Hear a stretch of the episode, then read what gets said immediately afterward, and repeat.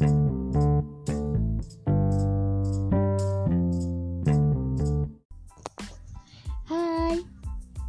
ini pertama kalinya gue bikin podcast.